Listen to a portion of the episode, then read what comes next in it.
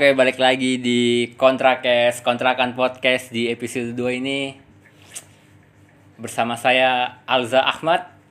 dan saya Ucok Saya dan Wahyudin Dan teman satu ini, teman tamu kita ini adalah Faris Aropi dan sayangnya teman kita satu lagi Holik nggak bisa hadir karena ada urusan kerjaan.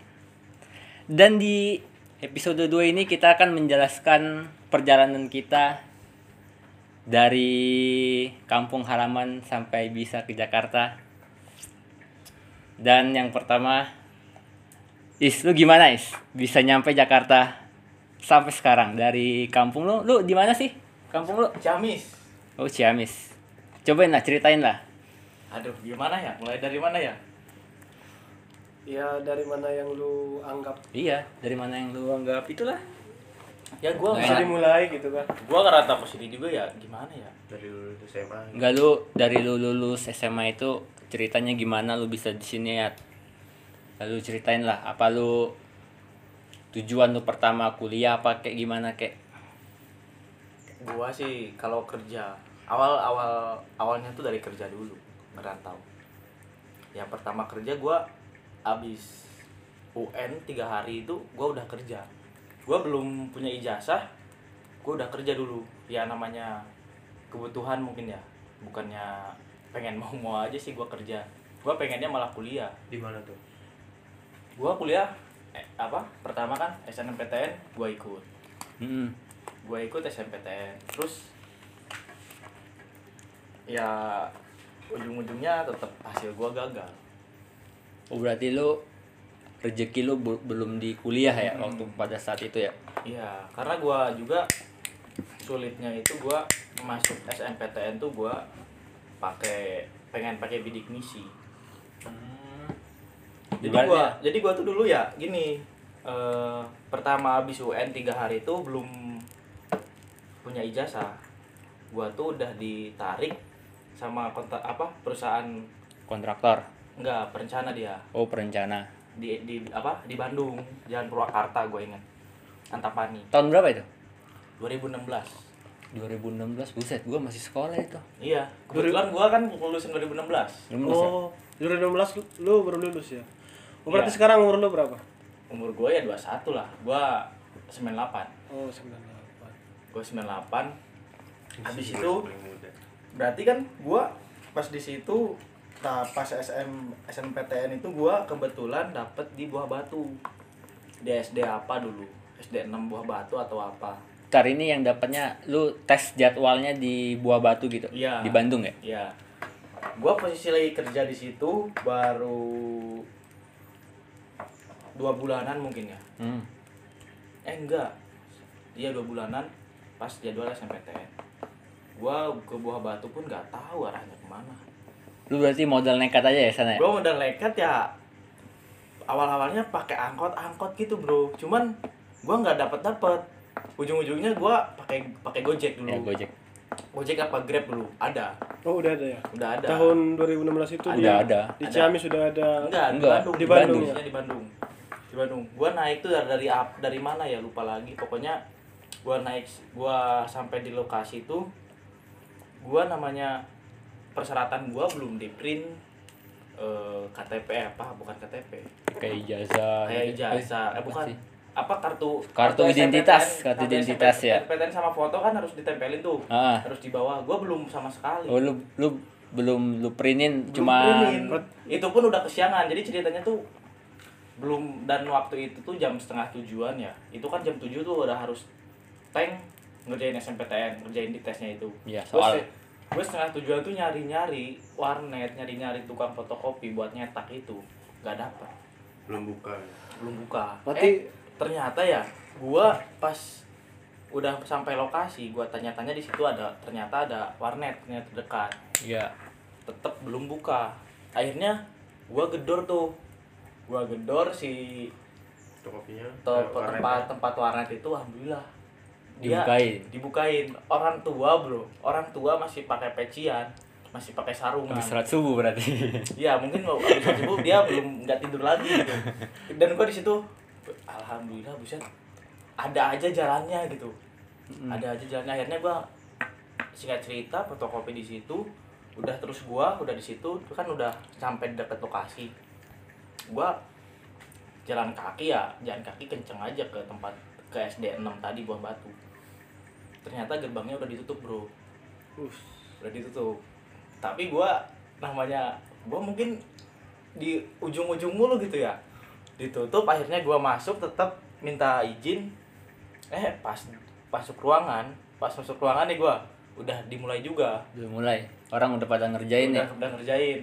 Gua pas masuk akhirnya gua dibolehin. Nah ada bangku kosong di paling belakang. Eh, gua duduk kan di situ kan? Ya. Pas gua duduk dikasih soal kok soal gua sama meja? Nomor meja gua kok nggak sama gitu? Nam kartu identitas Iya, lo. kok nggak sama? Gua gua hitung kan nomor-nomornya ternyata tempat gua di depan. Oh, berarti lo dan tempat gua tempat di depan duduk tuh lu di depan, kosong tuh gitu kosong, Itu harus seharusnya lu, harusnya lu gua duduk di situ. gua malu kan ah bodo amat akhirnya gua jalan lagi dari tempat duduk belakang Pindah ke depan. pindah ke depan kerjain lagi di situ dan kampretnya lagi pas gua ngerjain SMPTN itu eh eh SBMPTN kalau SB. SMPTN kan Dia nilai nilai raport. Oh, nilai Kalau SB kan kita harus SB. daftar. Nah, SB itu ternyata kayak apa? Soal-soal SMA, Bro. Iya, memang sih bener. Serius. Soal-soal SMA. Dan kampretnya gua ah, gua hitung kancing semua tuh. gue hitung kancing semua, ya akhirnya ya udahlah, gua pasrahin aja. Lu tapi kata orang ya, gua kata orang sih ka- kalau kita jawab soal itu benar poinnya 4 Iya, kalau salah min satu iya. Kalau jadi salah min satu. semakin banyak lu ngisi soal tapi salah nilai lu min semua Iya. Akhir, tapi gua soali apa tembak-tembak aja bodo amat gua istilahnya. yang penting ngisi aja ya Hmm. Nah yang gue sedihin itu ya di situ tuh pas ujian selesai itu keluar kan eh, istirahat mau cari-cari makan itu Hmm. orang-orang tuh sama orang tuanya bro. Diantar sama orang tuanya ke tempat itu gitu. Ada yang dari Kalimantan Sumatera. Daerah jadi kita kan dibagi-bagi kan jauh-jauh ya. Hmm. nah mereka pun ya mungkin karena jauh di ini orang tuanya. Ya karena Ngobrol. dari luar kota kan ya, ngobrol ke- ngobrol-ngobrol. Gua akhirnya daripada nggak ada ngobrol gua tukang dagang aja gua ajakin ngobrol. Iya kita itu harus the power of sok-sok Iya, kenal sama soalnya orang. gua dari dulu emang gini bro. Single fighter lah gua. Mantap. bodoh amat. Akhirnya gua di situ kan cuman jadi apa kerjaan gua di situ tuh cuman ngegambar aja nggak pernah ke lapangan. Kembali ke kerjaan gue yang di NC itu yang Nusantara Citra. Gak lu di waktu Purwakarta. lu waktu tes SBMPTN lu pilih PTN mana jurusannya apa? gua dulu itu pas SBMPTN tuh gua milih IPB Institut Pertanian Pertanian Bogor. Pertanian Bogor. gua ambil arsitektur landscape Wih, keren anjing. Ngeri ngeri cuy. arsitektur landscape cuman ya namanya emang semua itu butuh persiapan Iya. dan ternyata modal nekat pun ya Gak cukup. sama nggak menyerah pun nggak cukup kadang-kadang ada perkataan begini banyak orang yang mengalahkan tantangannya hanya dengan semangat itu pun salah menurut gua semangat Bais aja nggak Arofik. cukup Tanggal Oke, berapa itu kan, ini? itu kan cerita ini lu Awal lu gitu. kuliah maksudnya lu Hmm. SBMPTN gitu kan Iya. cerita lu ngerantau ke Jakarta tuh gimana gitu Nah, Nah, tempo- ini. itu dari sini di awalnya di sini. Mulainya Oke, dari sini ya. setelah- Dari setelah awal itu sini. lu kerja Gua bersyukur banget di Bandung itu ya. Ke kota kembang ini. Gini soalnya. Namanya anak muda habis eh, SMA gitu. Gua sih STM ya. Lu kerja Namanya drafter kan, drafter kan? Iya, gue drafter di struktur, di gambar struktur. Jadi gue awalnya tuh nggak ada rencana pulang apa gimana gue udah di Bandung aja gitu. Soalnya pun ya kita tuh sebagai manusia kadang-kadang ada cita, ada ya ada ada cinta gitu. Jadi cinta sama cinta tuh kadang-kadang diringan bareng gitu. Iya. Nah, aku karena gua awalnya tuh emang seneng di situ karena gua ada cinta di situ Sama kerjaan lu. ada kerjaan lu cinta di sini pun ya wanita lah Iya. ujung-ujungnya cuman ya gua eh, singkat cerita aja istilahnya lo jangan pernah berharap ke manusia lah setuju gua kalau bisa lo kalau masalah cinta itu minta aja ke Tuhannya dulu ya man tetap Yang- apa pun yang yang- terjadi yang bisa bolak balikan hati Hmm. Gua di situ kan ya. Ya cewek yang gua suka ini dia kuliah di Bandung. ITB Enggak, IPB enggak, Polban enggak. terus apa nih Di Unicom. Oh, Unicom. Dulu lo, lanjut cerita aja. Oh, Unicom. Dia lagi cerita. Dia swasta. kayak main tebak-tebakan gitu. Di Unicom. Ya singkat ya awal-awalnya ya kita saling masih Ini cewek hubungan. cewek lu ini satu Ketemu di mana sama lu. Yoi. Oh, Satu satu STM, STM. satu kelas. satu sekolahan Satu kelas. Satu kelas juga. Berarti ini udah rasa yang terbendam lama lah ya. boleh cuy nomornya jangan, cuy lo jangan dalam-dalamin lu terus dong, udah. Oh, iya. Dengerin dulu aja gua. Oke, siap. Udah kan? Ya. terus di situ gua eh, nggak mau diperpanjang gua di Bandung itu gua kerja udah mau tiga bulan di situ lah udah gua keluar gua jenuh bro gua gambar terus di depan komputer gua gak mau lah gua keluar nah terus gua karena juga kan namanya eh, ibu gua kan single parent Oke. Iya. akhirnya gua pulang kampung lah ya untuk nemenin Nyokap ibu, lu. iya Ibu lu. ibu gua juga kalau ke ibu sih gua manggilnya mama karena gua juga mama gua orang Sunda bapak gua orang Jawa Isi kalau orang Sunda itu manggil nyokap nyokapnya mama ya. Mama kalau gua mama. Mama kalau nenek itu kalau gua manggilnya enin iya terus eh, gua akhirnya pulang lah karena juga gua kan punya abang. Abang gua pun saat itu ngerantau di Kalimalang. Bekasi ya? Ya dia kerja di, di- apa di Denso. Oh Denso. Akhirnya gua nemenin iya di Denso. Akhirnya gua nemenin ibu gua sama adik gua yang masih sekolah SMP nah di saat itu ya gua kerja di perumahan di developer di Panjalu di kampung lu iya Ciamis. satu jam dari Ciamis satu jam di Ciamis. Panjalu itu developer perumahan lu sebagai pelaksana Marketing. enggak gua teknik gua Teknik. bikin opnam gua bikin Schedule. apa, schedule gua bikin eh, apa metode namanya, kerja gitu metode kerja ke pelaksana Oh. ke mandor ya walaupun gua masih baru gitu ya di di di, di, di proyek itu. Tapi alhamdulillah ya namanya kita skill tuh nggak terlalu inilah. Iya. Nggak Enggak terlalu kalah sama yang sudah Hmm. bersekolah. walaupun tinggi kita ya. baru lulusan ya lulusan cuman STM ya karena kemampuan karena kemampuan juga karena kerja keras juga. Kita juga kan ingin belajar di suatu bidang ya. Mm-mm. kenapa enggak sih? Soalnya dalam kerja itu nggak ada yang namanya terlalu muda sama terlalu tua. Mm-mm.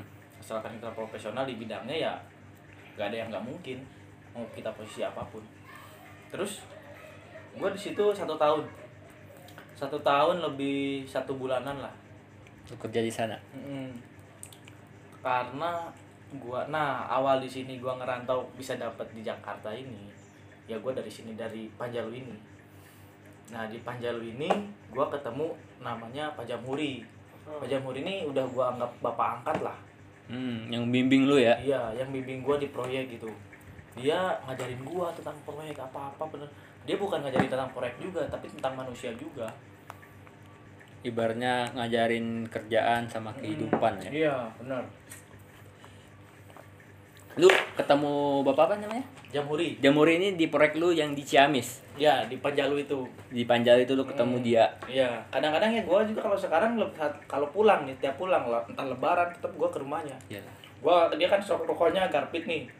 Ke apa? Filter. filter Gua kadang-kadang bawa seslop gitu kan istilahnya. Kalau ke dia, ya bukannya apa-apa ya, bukan yang ngasih penyakit, cuman ya terima kasih gua seperti itu gitu. iya Akhirnya, nah gua di situ kan eh, dia pernah bilang gini, is lo misalnya lo dia pernah bilang gini, gua bersyukurnya gini, is dari semua orang yang pernah kerja sama saya kata dia, Mm-mm. lo anak yang paling cepat ngerti katanya cepet nangkep ya dapat tangkap terus akhirnya lo daripada di sini kadang-kadang oh, eh, kalau lo di sini itu karena apa ya sesuatu itu tidak akan lebih besar dari lingkungannya gitu Iya. iya makanya dia ngasih tahu lo mendingan ngerantau lo jadi lampaui batasan lo tuh lo bersaing sih dengan orang-orang sana gitu Iya. dengan orang-orang cerdas cerdas sana Jadi Yulia ya. Nah iya Ibaratnya kita harus bisa berkembang lah, jangan Iya. jangan Hmm. jangan di ibaratnya stuck di situ-situ ibaratnya- doang. ibaratnya lo is kalau jadi hiu lo hi- milih hiu yang mana gitu Mm-mm. lo mau jadi hiu yang ditaruh di akuarium apa hiu yang ada di lautan lepas gitu Iya. gue ya mendingan di Lautan lautan, lepas, lepas. Pak. walaupun gue gak tahu apa-apa gue jadi hiu ya di lautan lepas gue jadi hiu yang sebenarnya gitu Iya. walaupun di akuarium cuma dikasih makan doang kasih makan Kita- walaupun gue kelaparan di lautan lepas Mm. gue jadi hiu gitu Mm. yang sebenarnya Kalau hiu di akuarium kan bergantung kepada majikannya. iya Dikasih makan. makanya gue ya udahlah gue ngerantau di situ gue bikin surat resign di situ nah kebetulan gue kontak teman-teman akhirnya gue dapet lowongan di Pasat Pasat. Ya. ya Pasat itu kulit luar gedung kalau ini kulit kulit luar gedung Ya buat pendengar yang nggak Ada. tahu fasad itu ibaratnya gimana sih? finishing ceritanya? finishing bangunan jadi kulit luar gedung gitu dia eh, namanya tuh material terluar di dalam gedung di suatu bangunan itu dalam fasad Eh, bahannya seperti precast kaca aluminium Ya, ya, ya. cat pun kalau di luar tuh eksterior itu sebenarnya fasad, Fasad juga ya, fasad fasad. sebutannya. Dinding juga fasad Iya, sebenarnya. Kalau di batas terluar suatu bangunan. Dia eh, istilahnya finishing lah. Terus uh, gua di sini gua pertama ngerantau itu pertama di Majalengka. Majalengka. Oke. Majalengka pas pembangunan BIJB, Bandara Internasional Jawa Barat. Iya.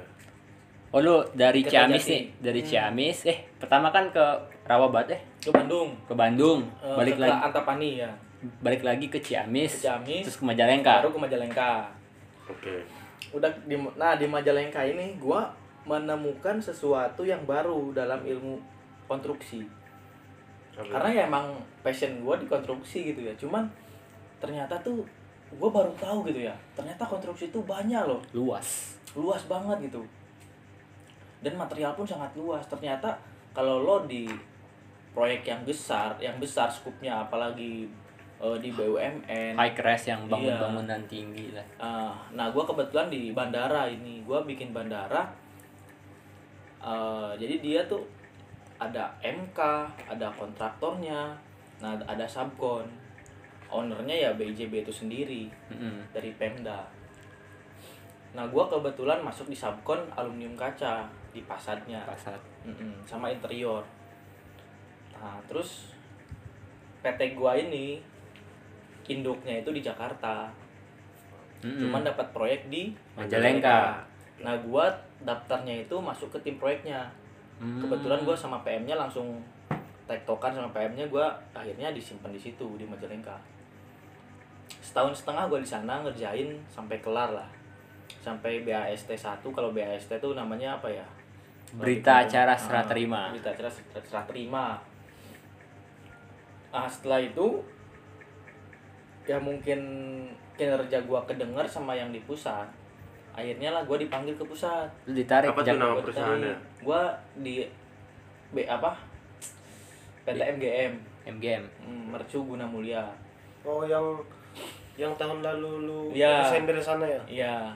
Jadi itu sebelum yang baru ini ya. Jadi nah pas gua pas gua ternyata apa namanya Mercu Guna Mulia ya kadang-kadang? Hmm. ternyata pas gua lihat itu ternyata lokasinya tuh di sampingnya dekat jalan apa dekat Universitas Mercu Buana Kampus kita. iya kampus kita makanya di situlah mimpi terbentuk gua pengen kuliah tuh di situ awalnya Oh, ini karena itu ya, kuliah ya, ini bicara Iya, kuliah. Ntar iya. aja kuliah.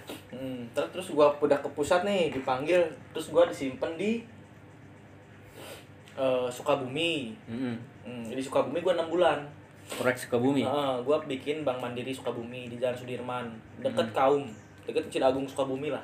Iya. Jalan tengahnya itu, jalan jalan provinsinya. Udah kelar di situ 6 bulan, gua baru ke suruh di Cibubur. Di Cibubur ya. Heeh, bikin mall Transpak Cibubur. Mm-mm. Nah, bikin mall Transpak Cibubur akhirnya dari situ gua pindah lagi ke Smart Brand, ke Kebon Siri. Galeri Smart Brand udah di situ. Terus ke Pakubono di eh, Cipulir. Di Cibubur. apartemen ya pas di pas di Jakarta gue senangnya tuh kita ke pindah-pindah pindah-pindah gitu nggak jenuh Ta- Tapi Kita- di suatu ibaratnya di Jakarta lah ya, tapi Iya, daerahnya Jakarta, aja yang pindah, daerahnya. tetap di Jakarta. tapi ya terus gua kuliah itu tahun 2019 kemarin itu 2019 kemarin gua kuliah nih ya dengan pendapatan yang seadanya lah ya. Seadanya gua manfaatin yang buat bisa kuliah buat ini. Buat gua pun hidup. itu buat daftar kuliah. Mm-mm. uang pertama itu gua pakai di THR terlebaran THR lebaran? Kan terus Juli itu kebetulan pas pembukaan gua masuk pakai duit itu. Nah terus buat ke sananya sebulan sebulannya kan per semester tahu sendiri lah mahal banget nih di mercu nih. Akhirnya buat rektor Mercubuana kalau yang dengar podcast ini Pak turunin Pak harga uang kuliah per itunya jangan dimalin per SKS-nya ada kelonggaran lah pak.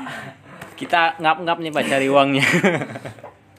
Kita kan namanya pekerja ya kelas karyawan kita. Iya. kita ya emang bener-bener kuliah pakai duit sendiri gitu. Iya.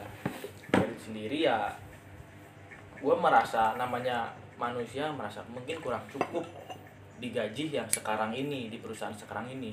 Akhirnya gue ya resign juga. Nyari-nyari ya kerjaan lagi. Alhamdulillah gue dapet di Alure. Alure. sekarang ini. Yang sekarang kan? Alure industri sini ya masih bergerak di bidang pasar. Lu udah berapa bulan? di mana di kantor pusat. Eh, Peluit ya lu bilang ya?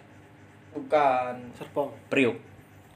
Di Jakarta Utara apa namanya Tanjung dekat Priuk. dekat Mall of Indonesia itu apa nah Kelapa Gading. Kelapa Gading. Hmm, Kelapa Gading. Dia punya workshop di Kalimalang. Dia punya pabrik di Kalimalang. Workshopnya di Kalimalang. Gua masuk ke tim installnya. Gua tim Aplikasi iya, lapangan. tim, tim aplikasi lapangan. Lu di sini udah berapa bulan? Di Gua- perusahaan baru? Nah di perusahaan baru ini gua mulai di tahun baru ini. Di gua, Januari ya? ya mulai gua 6 Januari kemarin. Masih hangat-hangat nih berarti. masih hangat. Masih Belum cair-cair ya? ini apa ini? Ya, gua tunggu-tunggu nih. Masih anak bawang lah ibarat Ya, di proyek. Cuman alhamdulillah ya jadi dari sekian perjalanan-perjalanan itu ya ternyata ya benar. Istilahnya kita tuh jalanin aja. Dalam artinya jalanin aja tuh ini tuh nggak ada jangan pasrah gitu. Tetap kita maju ya tetap berjuang. Berjuang gitu apa pun yang terjadi jalanin aja gitu jangan takut gitu. Dari awal kan lo pengen jadi apa sih? Hiu yang mana gua tetap hiu yang di lautan apa pun yang terjadi gitu. Iya.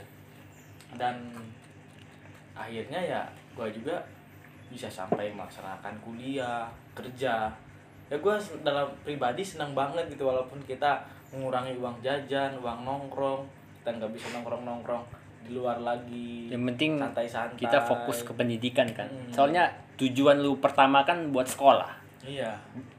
Lu nggak mungkin kan ketika lu tamat sekolah lu langsung berpikiran buat kerja ya iya sih ada pikiran buat kerja. Tapi kan sekolah juga harus diprioritaskan di zaman sekarang. Ya, gua awalnya kuliah tuh bukan cuman pengen nyari ijazah gitu, cuman gua cari ilmu. pengen iya setelah cari ilmu ya, tapi tetap gua pengen merubah cara berpikir gitu. ya pola Karena pikir.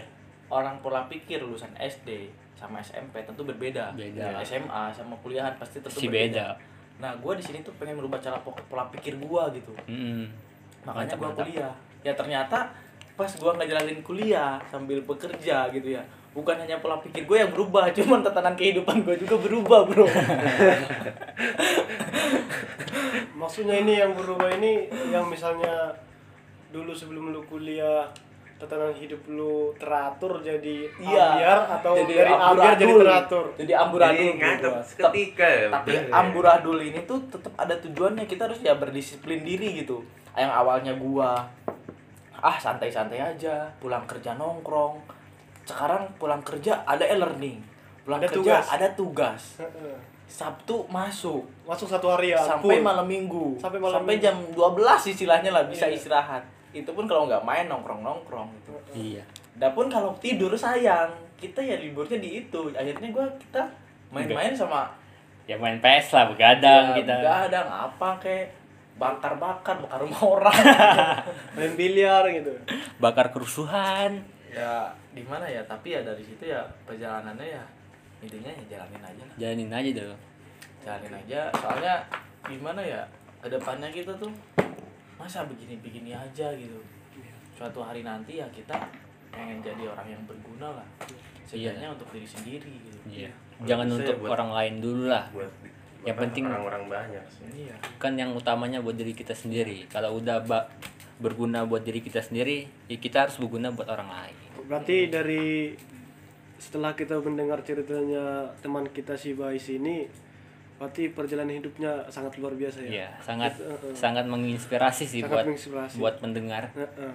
Dan untuk pendengar sekalian, kan dari awal tadi cerita sampai penghujung dia cerita ini kan, dia kan sudah menceritakan semua pengalaman pengalamannya setelah tamat sekolah sampai sekarang. Sebagian besar ini Sebagian ceritanya. besar. Enggak heeh. secara detail ya. Heeh, mungkin ya 80% ataupun sampai 90%. sebenarnya ini baru 50% Tapi ini Oh masih 50% Soalnya masih panjang. Heeh. Jadi kalau diceritain semua ya bisa-bisa satu episode ini bisa Ya. setengah hari. jadi gua gini aja gua tutup gini aja hmm. gua ngerantau ini nggak apa-apa lah gua ngehabisin waktu muda gua dengan merantau Hmm. gua kuliah gua bekerja keras suatu hari gua pengen buka perusahaan bro Iya. Iya iya. kenapa alasan gua satu gua waktu ngerantau pulang ke rumah ibu gua lagi disolatin Aduh, Uh, itu ibu gua ibu gua lagi disolatin nggak bisa bayangin sih. iya. Kalau gua udah detail itu. gua itu kejadian tuh waktu di Kertajati sebenarnya gua nggak mau yang ini diceritain cuman ya untuk pengalaman buat inspirasi juga lah ke Iya. teman-teman semua ya harus diceritain juga Hmm. jangan sampai gua gak mau gitu orang-orang di kampung gua di Ciamis nanti merantau jauh sama keluarga dan merasakan apa yang gua rasakan gitu Mm-mm. makanya gue suatu hari nanti pengen buka perusahaan istilah istilahnya buat membantu lah agar pemuda-pemuda di sana nggak merantau gitu kan Tapi- Seenggaknya gitu. Tapi maaf saya potong Bro Bais. ya bro Tapi ada pepatah bilang begini, Bro. Ya, jikalau seseorang itu tidak mengenal rasa sakit, bagaimana dia akan berkembang? Ha-ha. Tapi ya eh, tadi niat lu mau buka perusahaan eh, di di kampung halaman lu sendiri itu itu sangat bagus. Jadi bisa membantu bener perekonomian masyarakat sekitar juga untuk uh, bisa bantu misalnya yang yang misalnya ada yang putus sekolah lu bisa uh, lu bisa kerjain mereka kerjain tanpa harus mereka. ada syarat Uh, ijazah. iya. Yang penting skill. Iya, makanya rasa sakit gue ya udah bener sakit gitu bro iya. makanya sekarang ya misalnya anak-anak muda sekarang sakit hati karena patah hati Ah, itu kalau itu aduh lemah banget bro lemah ya gue udah merasakan sakit yang lebih luar biasa dari itu Ya lu, lu ibaratnya lu, lu ditinggalin orang tua lu kan lu sekarang kan Iya. maaf ya lu anak yatim piatu kan sekarang Iya. lu sekarang gak ada siapa-siapa lagi Benar-benar. Iya. lu malahan sekarang lu biayain adik lu sekolah Adik kan gua sekolah dan untuk pendengar sekalian sangat menginspirasi bukan kisah teman saya si Bais ini. Jadi untuk teman-teman pendengar sekalian, kalaupun situasi Anda itu sulit menurut Anda, masih banyak iya masih banyak di luar sana seperti kami ini yang lebih sulit dari Soalnya- Anda. Jadi syukuri semua. soalnya gini cok gue pernah dengar gini gue dikasih tahu sama Pak Jamhur ya Iya. orang miskin tuh bukan orang yang nggak punya duit Oh. tapi orang miskin tuh yang nggak punya mimpi iya Iya, betul. Heeh. makanya gue apa pun yang terjadi gue harus punya mimpi iya dan mimpi gue ya dijalani Iya, betul. dengan proses yang gue sebisanya gitu yang Kalau penting jangan menyerah kata Haji Jazuli gimana? Jangan remehkan hayalan. Iya. Karena Kalau Haji Jazuli dosen kita kan Iya. jangan pernah Meremehkan Meremehkan hayalan. hayalan. impian itu ya Iya. dihayalin dulu Iya. Karena suatu saat bisa jadi kenyataan. gitu. Iya, benar. Gua terus, gue yang paling ingat, gua di kata Pak Jamhuri dulu yang pedang di Panjalu itu. Bapak angkat gua bilang begini, Is, lo ngerantau, lo harus bikin bom. Nah, lo di sana pelajarin cara bikin bom tuh gimana sih? Mm-mm. Eh, bahan-bahannya apa, materialnya apa, gimana cara koneksinya, ngegabunginnya gimana, biar bisa meledak itu gimana sih gitu. Nah kalau lo udah bisa buat bom dan ngeledakinnya, lo bawa pulang ke Ciamis, ledakin di Ciamis. Apa itu bom ini? bom ini dengan kata lain apa bro kalau dia gua artikan Materi lah. Ilmu. berarti kan ilmu ilmu materi pengalaman. itu kan dia seolah-olah memberi inspirasi gua berarti kalau gua bikin perusahaan iya gua cari materinya di sini gua cari ilmunya di sini kalau udah ledakan aja di sana berarti maksudnya diledakkan ini di di- Dibuat. dibuat ya berarti dipergunakan Iya. diaplikasikan di tengah-tengah masyarakat jadi untuk sahabat-sahabat saya pendengar jadi bom ini bukan apa, Bukan bukan bom- bukan bom yang bom molotov bom, bukan bukan bom yang bisa meledakkan atau menghancurkan gitu jadi bom ini bom ini kayak Itu kiasan kata. kata, lah Ah, kiasan kata kata. yang bom ini misalnya ya pengalaman ilmu atau segala yang bisa di diaplikasikan nanti atau dibawa nanti ke kampung halamannya begitu teman-teman jadi gimana eh, untuk saat ini apakah saudara Bais eh, bersyukur dengan keadaan sekarang? Sangat bersyukur. Sangat bersyukur ya? Gua sangat bersyukur gua jadi yang sekarang gitu. Kalau gua nggak di posisi saat ini gua bukan Bais Arapi yang sekarang. Oh, berarti lu bangga ya dengan yang sekarang ya? Bangga. oh mantap apa pun yang terjadi gua tetap Bais Arapi Oh, betul betul. Oke. Dan satu lagi ya Heeh. darah gua merah. Oh iyalah darah cuman gua mau bersaing dengan darah-darah biru oh sh, mantap suatu saat kita akan ke sana dan ini lagi OTW Iya. Nah, jadi itulah teman-teman pendengar eh, sekilas cerita dari, cerita dari saudara Bais, ya. Bais. Nah, dan ini kami juga punya teman lagi yang tadi namanya itu Alja Dada Ahmad. Dan teman kita ini juga sangat unik juga ini. Dia punya kisah yang dia punya ya apa ya?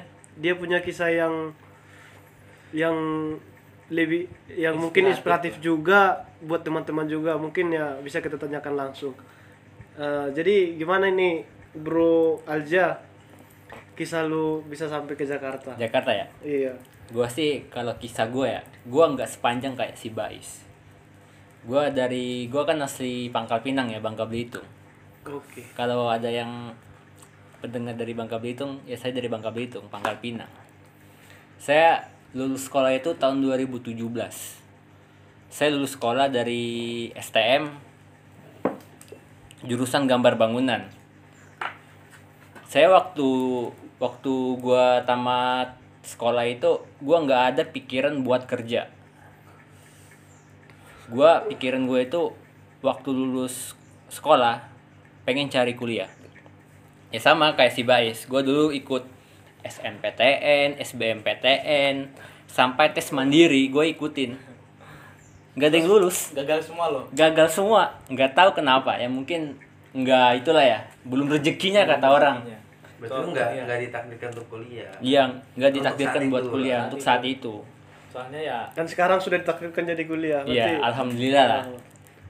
Gue dulu waktu tes SNPTN gue ngambil jurusan arsitektur semuanya. Gue Nah, ngambil, gimana ceritanya sekarang ngambil teknik sipil bro? Nah ini ntar gue gua ceritain nih. oh iya iya. Ntar kita dari awal ya. siap siap. Gue awal ngambil itu di Unsri, Unsri, UPI, sama di lokal UBB namanya, Universitas Bangka Belitung. Kalau di UBB nggak ada arsitektur ya, gue ngambilnya teknik sipil. Kalau di Unsri gue ngambil arsitek, di UPI gue Sriwijaya ya iya Sriwijaya Palembang. Di UPI gua ngambil arsitek juga. Tapi ini UPI ini lebih spesifik ke guru, pengajar. Iya, pengajar arsitektur. Hmm, dia pendidikan Pendidikan kan, arsitektur gitu kan. pendidikan. Soalnya UPI kan Universitas Pendidikan Indonesia Dulu- kan. dulunya ikip kan ya Ikip ya? Dulu ya. Iya. ya Nah, gua tes ini di tempat daerah gua, gua nggak tes keluar. Gua tes ya sama kayak cerita Bais lah. Kalau tes ini nih kita kan dari SMK nih. Kita kalau pelajaran matematika, fisika, Aduh, biologi, ampun dah itu mah kan soal-soal SMA ya. Kita nggak ngerti. Iya. Kalau di SM itu cuma dasarnya doang kita belajar. nah kalau di tes ini ya memang menjurus mendalami kita harus benar-benar belajar har- harus bener. ikut Soalnya bimbel kita ikut les praktek kalau di STM ya kalau di STM kan kebanyakan praktek ya iya soalnya di STM kan kita dididik ya untuk bisa langsung bekerja. Langsung langsung bisa Ya, bekerja. mungkin kuliah ini diciptakan untuk para SMA bukan Iya. para S- STM sih lebih tepatnya bukan SMK SMK kan lebih menjurus ke iya mereka kan ya lebih sih? mereka kan kalau sekolah kan teori iya. Akademika. kita Paling praktek main komputer itu bukan praktek namanya. kita kan STM kan ibaratnya teori itu 40% prakteknya 60% Iya. menurut gua ya lebih banyakkan praktek Iya. kita ilmunya banyak di praktek cinta pun di STM satu persen doang satu Iya. persen soalnya di jadi sembilan persen tawuran berantem di STM susah cari cewek sekalinya ada cewek satu jadi rebutan satu satu STM satu itu. STM. Hmm. kita ber- sampai berantem berantem itu jadi satu cewek itu iya nah terus gua dari tes ini SN gua tes SBMPTN ini gua tes ini gua ngambil universitas lokal UBB gua ambil jurusan teknik mesin teknik sipil sama apa ya? Hukum kalau nggak salah. Ngeri. Pokoknya gua udah pasrah lah. Kalau gua dapat hukum ya nggak apa-apa penting gua kuliah. Iya. Gua nggak ngurus gua harus kerja di bidang sipil. Pokoknya gua kuliah aja dulu. Gua ngambil itu ya sama nggak lulus juga. Bukan saatnya lagi. Bukan saatnya lagi itu. Gua pada saat itu ya. Iya. Nah terus gua tes mandiri nih. Tes mandiri kan bayarnya iya. Tes mandiri bayar itu berapa? Ratus ribu ya kalau tes mandiri itu kalau nggak salah daftar.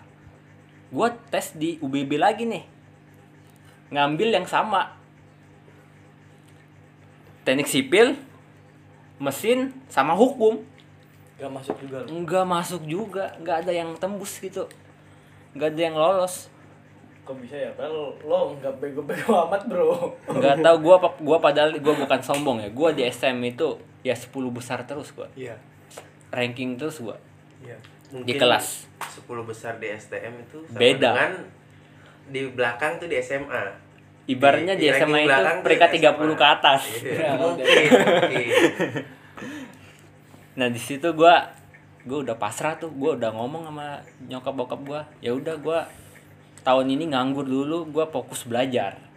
Fokus belajar buat ikut SBMPTN lagi tahun depan SBMPTN tahun depan. Gua bi ikut bimbel, ikut ini. Nah, terus gua dulu itu sering browsing kan, cek-cek universitas. Terus gua lihat gua tertarik ke Jogja. Gua mau cari ya apa ibaratnya suasana baru cari suasana baru dalam il dalam pendidikan di sana. Katanya kan Jogja kan kota kota pendidikan. pendidikan Kata orang. Kata orang. kata orang Katanya bagus buat pendidikan. Eh, kata orang kah tapi yang buat yang yang mungkin yang sudah tahu kota Jogja mungkin ya itulah Ya, itulah kan kita nggak tahu lah. Nah gua berangkatlah ke Jogja. Gua mohon-mohon sama ibu gua, nyokap gua, gua mohon-mohon buat pengen tes di Jogja. Terus gua dikasih, diizinin. Tapi nyokap bokap gua bilang, lu boleh kuliah di Jogja. Tapi harus dapat negeri, jangan swasta. Karena nggak mampu. Soalnya kalau kita kuliah di luar kan biayanya gede. gede Uang semesteran, per bulanan Kos. Belum kos belum keperluan lain kayak jilid fotokopi ngeprint tugas, Tugas-tugas kuliah. ya itu. tugas kuliah. Ya udah gue tes di Ya. Universitas Yogyakarta UNY gue ke sana kalau nggak salah habis lebaran Idul Adha deh. Idul Adha 2017 seingat gue gue di Jogja berapa minggu ya? Hampir dua mingguan gue di Jogja. Gue tinggal di rumah sepupu gue di Jogja ada sepupu lah ya di sana ada ada gue sepupu di jadi sana. kuliah itu Hah? jadi kuliah Enggak juga sih. Enggak, ini ini gue ceritain nih. Gue di Jogja. Gue gua kalau nggak salah berangkat itu malam. Gue pesawat malam. Itu pengalaman gue pertama naik pesawat. Iya. gua nggak tahu itu check in apa boarding pas gua nggak tahu itu pertama gua naik pesawat dan transit lagi transit di Palembang. Gue naik pesawat ya pengalaman pertama ya naik pesawat pasti itu ya canggung ya. Canggung nggak tahu. Berarti posisi berangkat sendiri lo ya? berangkat sendiri. Nah gua ya singkat cerita ya nyampe lah di Jogja nih. Gue nyampe Jogja jam 11 malam terus gue dijemputin sama sepupu gua terus gue diajakin ke rumahnya nginep kan. Di rumahnya gua berapa hari? Tiga hari gua sambil baca-baca buku modul. Ya buku tes lah ibaratnya. Buku tes modul itu buat belajar. Gue belajar cari-cari soal ngerjain soal. Dan gua tes nih gua di UNY ngambil jurusan teknik sipil. Gua nggak ngambil arsitek karena gue takut pasti nggak lulus juga pasti. Gue ngambil dua jurusan arsitek sama guru BP Eh sipil sama guru BP. guru BP kan sekarang BK ya Iya. bimbingan konseling. Gue ngambil jurusan itu. Dan seingat gua itu zaman gua itu itu gelombang tiga gelombang terakhir gua tes pesertanya sepuluh ribu. Seluruh Indonesia. Nah bolak balik aja. Ya seluruh Indonesia gua lihat ada yang dari Papua ada yang dari ya Sumatera Kalimantan Sulawesi gue lihat gue tanya tanya tanya temen kelas gua. Ya tetap nggak lulus. Nggak lulus gua udahlah gua pasrah gua ngomong sama nyokap gua nggak lulus ini gimana? Terus nyokap gua bilang ya udah terserah kalau mau cari swasta cari aja dulu. Terus gua berpikir kan gua nggak mau cari swasta kan karena gua nggak mau ngerepotin orang tua kan. Soalnya waktu zaman dulu itu jam pas gua mau kuliah abang sama kakak gua cewek juga kuliah. Jadi lah. bokap gue itu masih nanggung dua anaknya kuliah. Iya. jadi kalau tambah saya tiga gue kasihan sama bokap gue kan.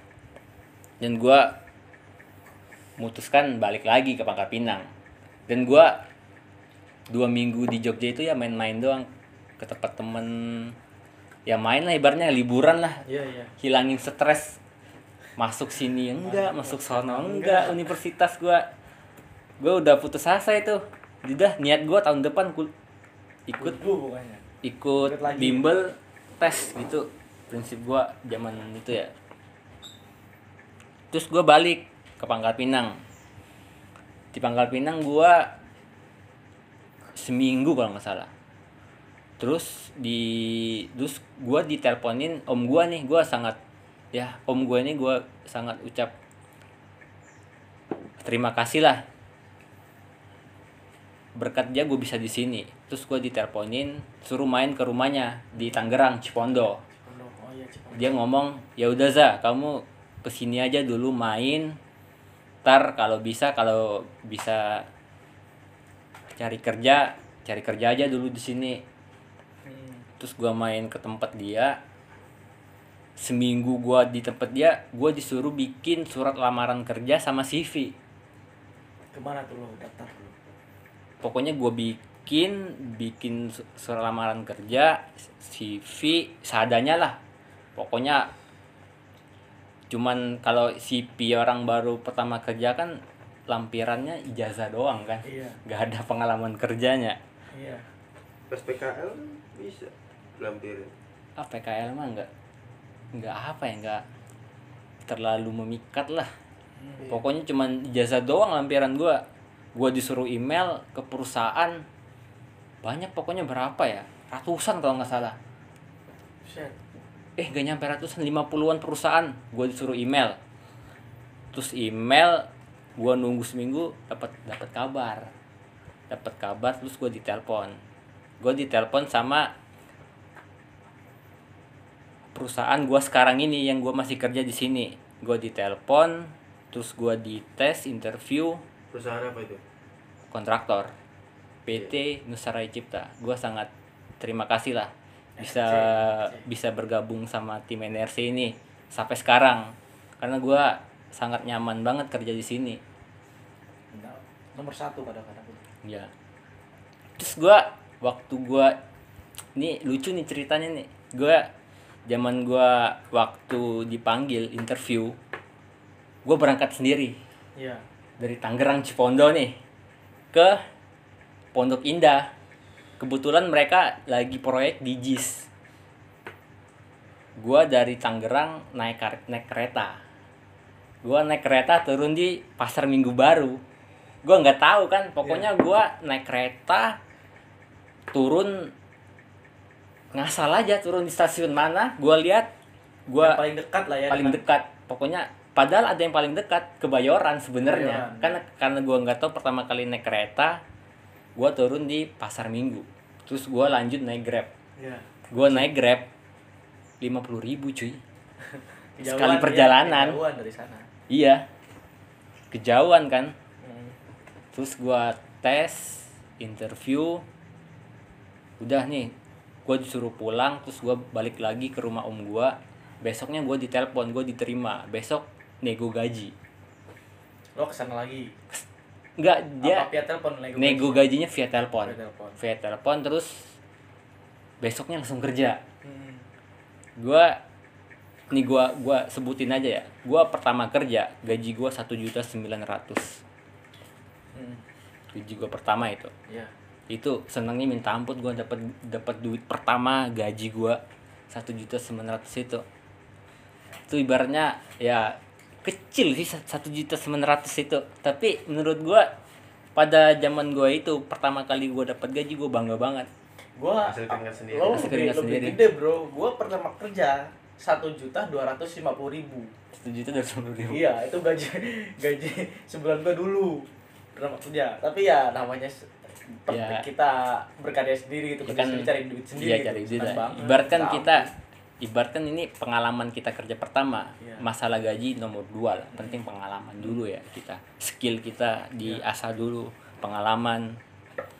Terus gua dari satu juta sembilan ratus itu gua nggak tahu nggak tahu apa ya gua kalau mau beli barang itu bisa aja gue dari satu juta sembilan ratus itu gue bisa beli handphone beli laptop sama motor dari gaji itu iya segitu tuh selama setahun itu. Hmm. gue bisa beli handphone laptop sama motor. Gue nggak tahu padahal kalau gue hitung hitungan itu nggak masuk akal loh. Gue bisa Iya, ngumpulin duit satu juta sembilan ratus itu bisa beli barang-barang ini. Ya iya sih gue gaji gue itu bersih satu juta sembilan ratus gue uang makan gue kan ditanggung. Mes ditanggung. Jadi gue kalau hidup itu dapat uang makan jadi gaji gue itu gue utuh. Iya. Jadi gue bisa beli barang beli ya jajan gue beli baju beli inilah keperluan gue nah gue dua tahun gua dua tahun gue kerja terus cerita nih ya tahun kemarin nih gue balik kampung mudik pas lebaran gue ditanyain sama bokap nyokap gue lu kerja gak mau kuliah lu percuma kalau kerja. Ya ibaratnya orang zaman sekarang pendidikan itu sangat penting. Orang nilai nilai kita itu bukan dari kemampuan sih awalnya Iya. dari pendidikan. Iya. Kalau kita lihat dia pendidikannya SMA kita masih direndahin. Iya benar. Beda sama orang yang lulus kuliah. Pasti mereka sangat dihormatin. Diutamakan. Diutamakan. Kalau yang lulus SMA itu di itulah ibaratnya di nomor dua kan lah. Di nomor dua kan lah. Nah itu cerita gue sampai sekarang sih. Gue sa- sampai Jakarta sekarang. Dan gue nggak nyangka sampai sekarang bisa di sini. Bisa ketemu temu sama kalian. Gue nggak ada pikiran gue Dikontrakan zaman the itu. sky ini. Di kontrakan in the sky joglo. Terus lo dari situ dari awal tadi kerja terus gimana tuh masuk kuliah awalnya bro awalnya ya itu pas gue lebaran mudik Pulang. ditanyain gue pulang ditanyain gak mau kuliah? Ya gue bilang mau tapi untuk sekarang belum ada uang gue bilang kan. Iya. Terus nyokap gue bilang ya udah cari aja dulu. Masalah biayanya gampang bisa dibantuin. Hmm. oke gue gua cari kuliah. Pas gua balik lagi ke Jakarta gua cari-cari kuliah cari universitas gua pertama nggak milih mercubuana. Awal gua serak UP Pancasila. Oh iya pancasila. Jaksel kan di Iya, Jakarta Selatan. Gue pengen kuliah di sana. Ternyata gua cek-cek dari tempat gua kerja ke UP itu jauh lumayan. Lebih jauh lah ya. Dari ke Mercu kan. Nah, terus gua cek Mercu Buana ternyata ada di Meruya. Dari tempat kerja gua cuma 30 menit gua daftar gua daftar waktu nggak salah daftarnya itu bulan apa ya? Setelah lebaran ya setelah lebaran bulan bulan apa lah Juli. Juli ya? Juli. Juli. Juli gua daftar ketemu sama Uco gua. Berarti lo gelombang satu berarti ya? Gelombang satu ya gelombang, Gelombang satu. dua. gelombang dua. Gue Gelombang daftar gelombang berarti dua. sama sama kayak gua Gue juga gelombang dua nih. gue ketemu Uco di sana ya gua ya gua kenalan Uco di sana pertama. Gue lebih kenal Uco pertama di kelas kita. Kebetulan satu kelas juga ya ternyata ya? Betul satu kelas juga ya. Dan itu pun ada ceritanya, Bro. lucu banget ini ceritanya. Gua ketemu Uco waktu di pendaftaran. Pas pas ngisi itu lo. Kan kita kan waktu tes-tes yang formalitas. pendaftaran kan ada soal ya kan? Iya. formalitas soal gua ngerjain dia ngerjain juga. Ya gua ibaratnya sama orang baru jangan jangan terbuka lah ya. kita harus ada apa ibaratnya kalau ketemu sama orang baru itu jaga-jaga lah ya. jaga jarak lah. Iya. ganas kan ucap itu. Iya soalnya dia gua lihat ih tampangnya Medan banget kan. Batak banget gua lihat. Terus gua tes. Ternyata nilai tes gue itu kecil ternyata dia lebih gede nilai tesnya dia terus dan, dan lu tau nggak, Bro? Kan yang soalnya kan 20 ya. iya Dan yang nilai minimalnya kan 10 baru lulus. iya Dia 8 7 ya? 7 tuh 8. tujuh gua, 7. tujuh Gua tahu nggak lu, Bro? Berapa? 16 cuy. Pinter gua. Tapi tahu nggak lu? gua itu ya bentar lo sampai nilai keluar gitu bro Kan, langsung Enggak, keluar. mak- maksudnya itu soal minimal 10 yang bener. Di- lo langsung di koreksi sama Langsung dikoreksi, sama gua enggak bro. Gua pas tes itu ya pas gua ngerjain pas gua ma- mau apa baru duduk baru duduk mau ngerjain gua dipanggil lagi. Mas mas udah mas sini an i- apa sini kasih sini saya aja kata si adminnya kan. Kasih saya aja nanti saya bantuin katanya. Oh. jadi gua nggak ngerjain sama sekali malah bro. Gua dikerjain sama dia. Oh iya. iya. gue malah ngerjain. Soalnya gue dulu gue kira nggak boleh buka handphone kan? Iya. Dia pura-pura ngitung dia, pura-pura ngitung Pura-pura padahal ngitung. padahal nggak tahu dia isinya apa. ngerti. gua mau ngeliat gini dia nutup bro. Kebetulan pas apa namanya tuh? Kebetulan pas eh, ngerjain soal ini kami satu meja. Satu meja. Misi bang gue bilang. Iya Wah, kan baru-baru ketemu. Iya. Jangan kita harus jaga diri. jarak, jaga ya. jarak kita belum kenal. Dan oh, oh, terus dia ngerjain pura-pura gitu ih pinter nih orang gitu kan. Gua nggak tahu. Dua persen dari ini aja gua nggak tahu bro. Gua ngitung kancing juga gua bro. ngitung kancing thread. Wah udahlah terserah dia lah. Paling nanti ngulang lah atau gimana. Soalnya sebelum gua daftar ke situ kan gua juga udah sharing sama teman teman senior. Tapi satu kerjaan satu kerjaan tapi dia lebih senior di semester lah gitu kan. Nah, eh, karena kata dia udah asal jawab aja iya soalnya, soalnya soalnya kan tuh asal jual duit pasti itu gitu. cuman Bayar. apa eh, eh, itu cuman Formalitas. eh, formalitas doang katanya. Oh, gue udah tahu kan, gue cuman hitung hitung kancing aja kan, ceret ceret ceret ceret. Dia duluan selesai. Uh, ngeri kawan ini pikir gue gitu kan. Nah, Dia terus dia ngasih adminnya. Oh, gua terus dia duduk di situ bentar ya, mungkin ditunggu disuruh nunggu ya, Bro ya. harus tunggu 10 menit kalau salah Nah, suruh tunggu semenit. Nah, terus 10 10 menit ya. Hmm. Terus gua nggak lama lama itu gua ngumpulin lagi. Ngumpulin lagi juga kan. Oh, dia udah selesai gua belum. Oh, gua lihat katanya cuma dikasih waktu berapa kemarin? 30 menit ya? iya 30 menit. eh. Oh, gua udah hampir 25 menit nih, belum ada selesai. Ah, udahlah, asal gua lingkarin thread thread thread. Kadang gua bikin kayak silang-silang gini gitu kan. Ya namanya juga STM, Bro, enggak inilah kan. Terus gua kasih admin, ah, langsung di eh, gua langsung lolos dong, ya enggak, Bro? Gua langsung gua gua dikasih gini kan. Nah, gua bawa lagi. ya. Terus dia Gua lolos, nggak. lolos dia. gue surat soal gue dibalikin suruh ngerjain ulang. Iya. Mas ini katanya anda betulnya 7 minimal 10 Heeh. dikerjain ulang ya? Iya gue kerjain ulang. Terus gue nyontek yang ngucok Oh, bro, bro, Dia- dia- bro, lihat aja nih bro, dia pura-pura sok-sok ini dia. Nggak mau, tapi matanya itu ini aja gue nyontek ke dia. Itu itu gue masih gondrong ya Iya, dan dia Si masih gondrong, gondrong. Heeh. itu gue awal gue masuk kuliah dan ketemu Uco gue kenal pertama sama Uco Dan ya kan namanya juga kan gua tahu sendiri bro, gua kan orang- orangnya kan sok kenal gitu kan. dia gue akuin Uco jiwa itunya tinggi apa namanya sosialisasinya tinggi Gua ya, itu kan sok kenal gua, bro. It, lu kerja di Cakon juga, gua kan pura-pura nggak ini kan. Pura-pura ini aja ya, namanya juga kita nyari kawan ya kan. Teknik sipil, iya teknik sipil, wih kawan nih, gua gitu kan. Soalnya celananya itu mirip kayak seragam ja, ja, Jaya. Hmm. mirip sama seragam kerja lu kan? Kerja gua, ah, terus gua tanya, bro, kebetulan gua pakai juga sama kita kita kayak couple gitu loh. celana kita itu sama abu-abu abu-abu terus gede kan nggak nggak gua kecilin bawahnya sama pokoknya itu Iya. Terus gue tanya, eh bro, lu kerja di ini nggak di Jaya nggak juga ya? Enggak. enggak gue bilang dia dia tapi dia dengan muka yang inilah. Males ya. lah ngomong sama lu lah. Iya. sombong dikit sombong Iya, pengen secepatnya kelar lah Iya. ngomongnya. Namanya juga kan baru kenal. Baru Enggak. eh, terus kerja di mana bro? Di NRC katanya. apa itu NRC? Nusara Sipta katanya.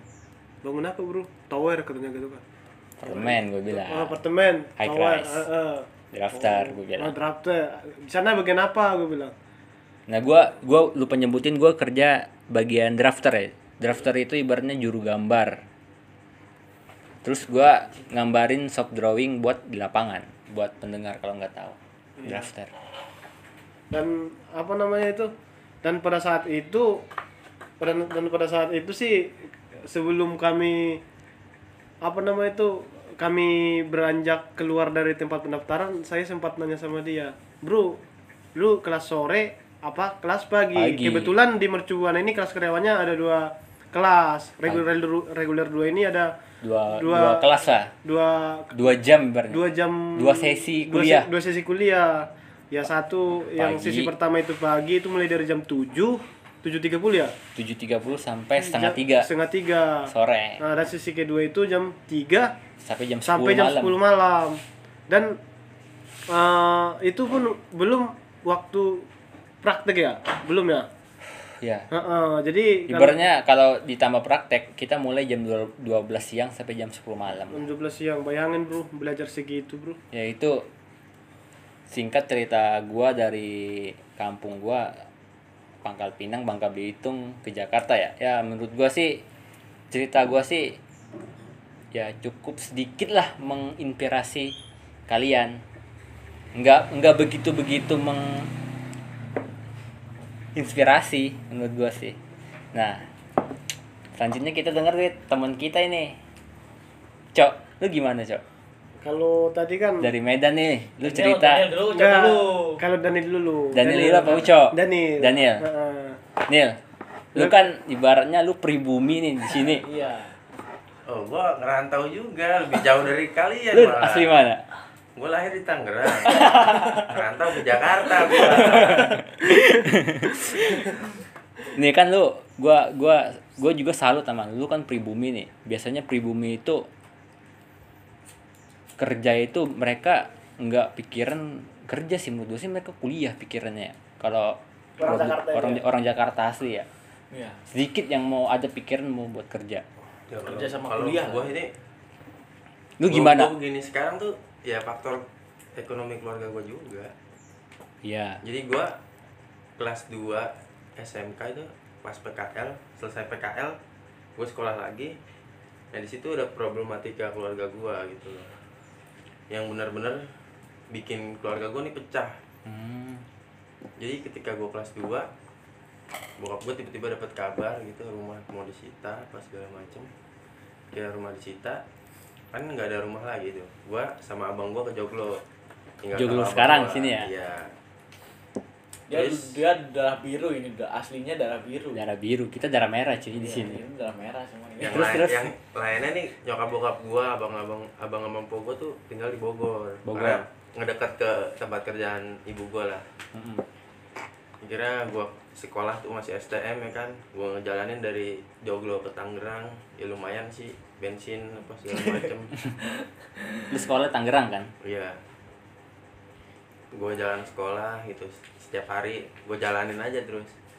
Nah begitu lulus gue tuh kelas 2 prinsip gue ini gue pengen kuliah di ITB wih TB Institut pokoknya itu impian gue banget lah. Di tiga universitas ini ITB UI sama UGM UGM ya begitu kelas 3 pemikiran gue berubah. Gue kalau ngambil negeri bisa-bisa aja sih. Cuman keluarga gue mampu nggak gitu loh gue ngeliat lebih ngeliat ke ini gue ke keluarga gue jadi begitu gue kelas 3 ekonomi gue menurun nih.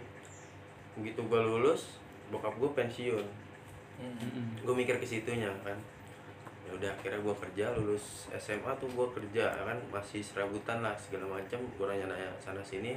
Temen gue ada yang nawarin tuh kerja di restoran. Oh lu pertama kerja di restoran? Iya. Ada tuh restoran di Tangerang lah. Junk food ya? Bukan kongko jadi dia kayak kafe gitu Oh, makanya gue terinspirasi kayak dari situ. Makanya kan gue bilang gue mau bikin kafe karena gue tahu resepnya. Gitu. karena lu udah pernah kerja di sana jadi lu Iya. tahu sela-selanya ya? Kira gue kerja di restoran kerjanya yang memang berat banget sih menurut gue jadi dari jam 11 sampai jam 11 lagi nonstop. Jadi itu bener-bener berdiri lu berdiri benar mandir sana sini. Ya tempatnya sempit. Ya bukannya gimana ya? Kalau lapangan bola kan bolak balik juga masih berat apa nggak terlalu capek lah. Iya. karena ada jangkanya. Iya. Kalau ini udah tempatnya sempit ya kan? Mandar mandir ngambil ini ngambil ini ngambil ini ya kan? Lu dari jam 11 tuh sampai jam biasa itu baru free jam 9 gitu baru yang agak nyantai lu di cafe ini sebagai apa? Sebagai cook helper.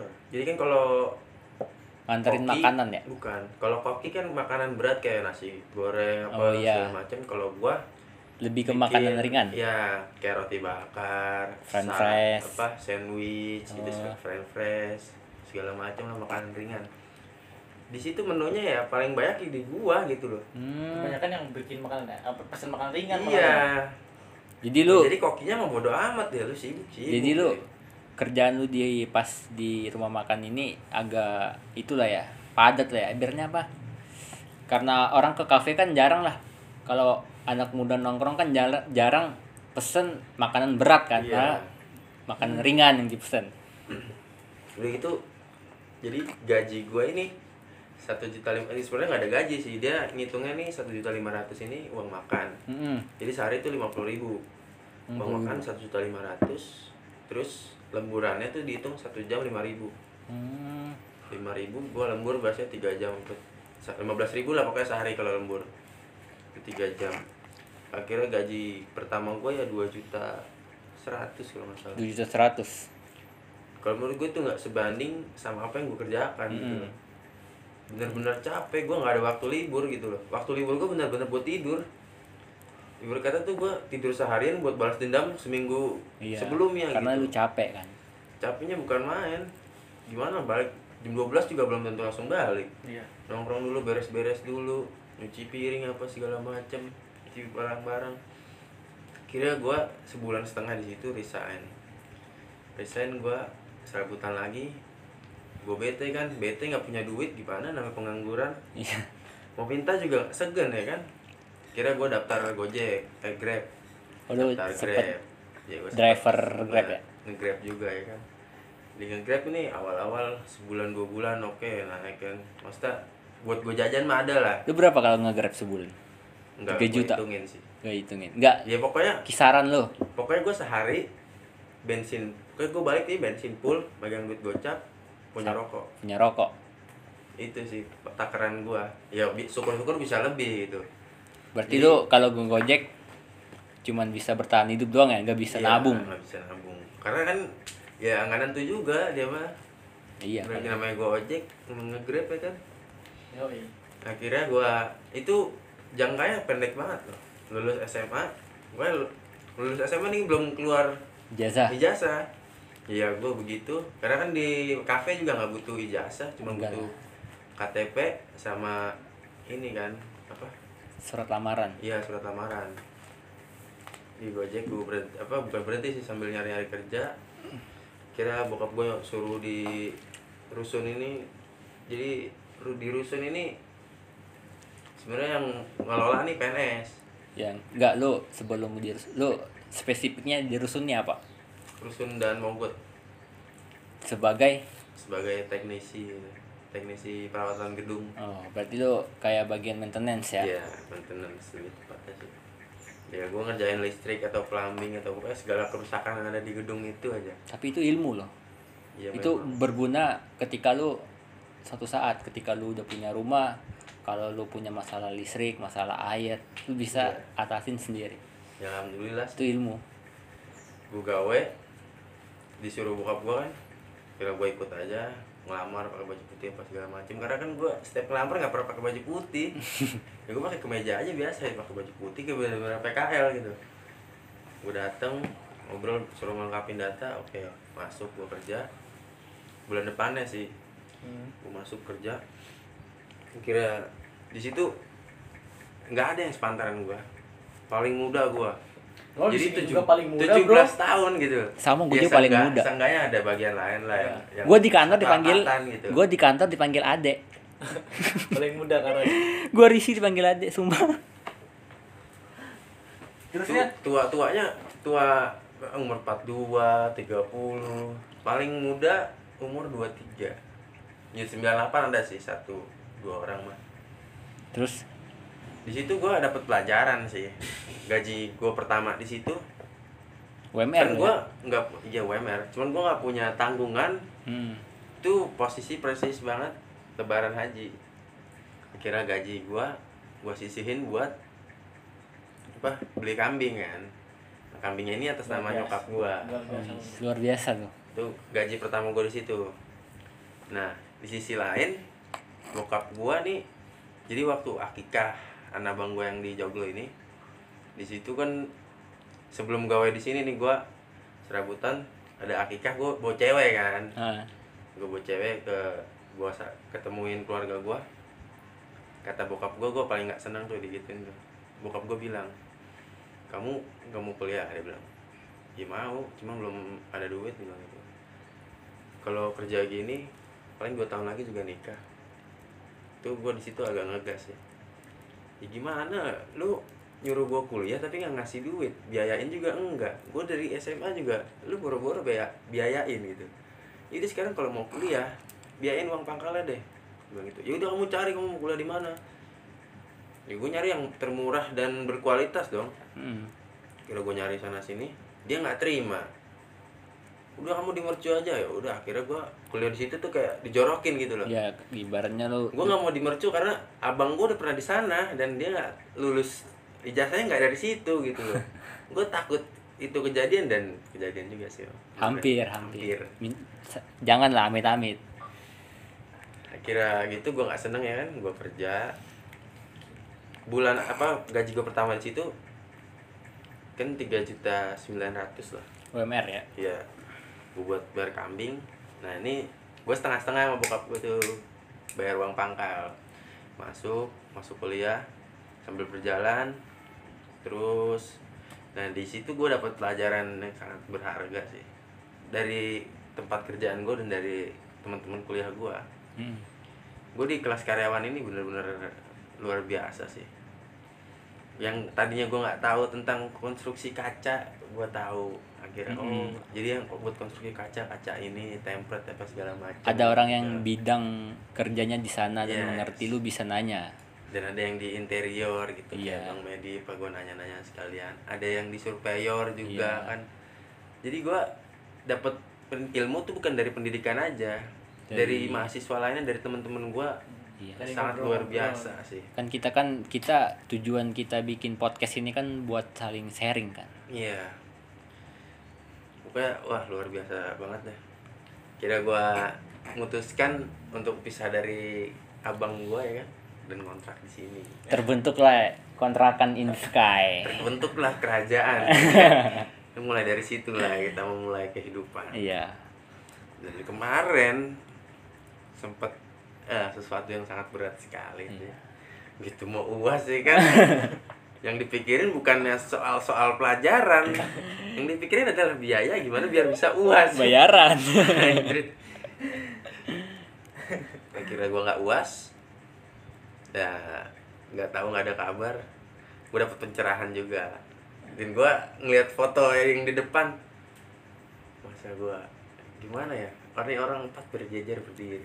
Dan buat pendengar, foto yang dimaksud Daniel itu jadi foto wallpaper podcast kita. Pokoknya itu foto yang ada di kontrakan kita. yes itu ya gua mikir masa gua nyerah sih yang lain ini bisa kok gua nggak Iya. bisa gitu Iya.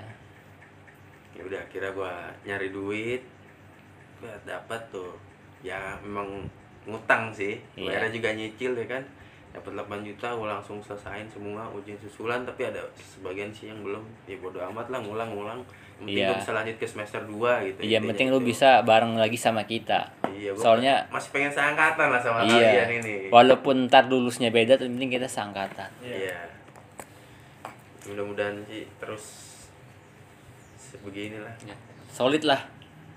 ya kalau pengalaman gue sih segitu aja Iya, singkat padat dan soalnya jelas kan ya lo kan? paling muda juga di sini. Ya, kan lu kan baru lulus tahun kemarin ya? Iya tahun kemarin Iya. 2019 tepatnya bulan 2019, gua 2017, 2 tahun kita beda. Bais 2016, 3 tahun nama lu beda. Uco itu berapa, Cok? 2017 Apaan lu 2017 anjir? Lo apaan 2017 lo? 2015 lu. Lu 97 kan lahirnya. 2015 lu. Nah, dari Daniel kita ke Uco nih. U- Iya. Uco kayaknya ceritanya lebih panjang. Uco ini paling senior di antara lebih kita. senior di antara kita karena dia umurnya paling ya paling ibarnya paling tua di dari kita. Lu berapa cok umur cok? Dua-dua ya? sekarang ya dua-dua lah. Dua-dua.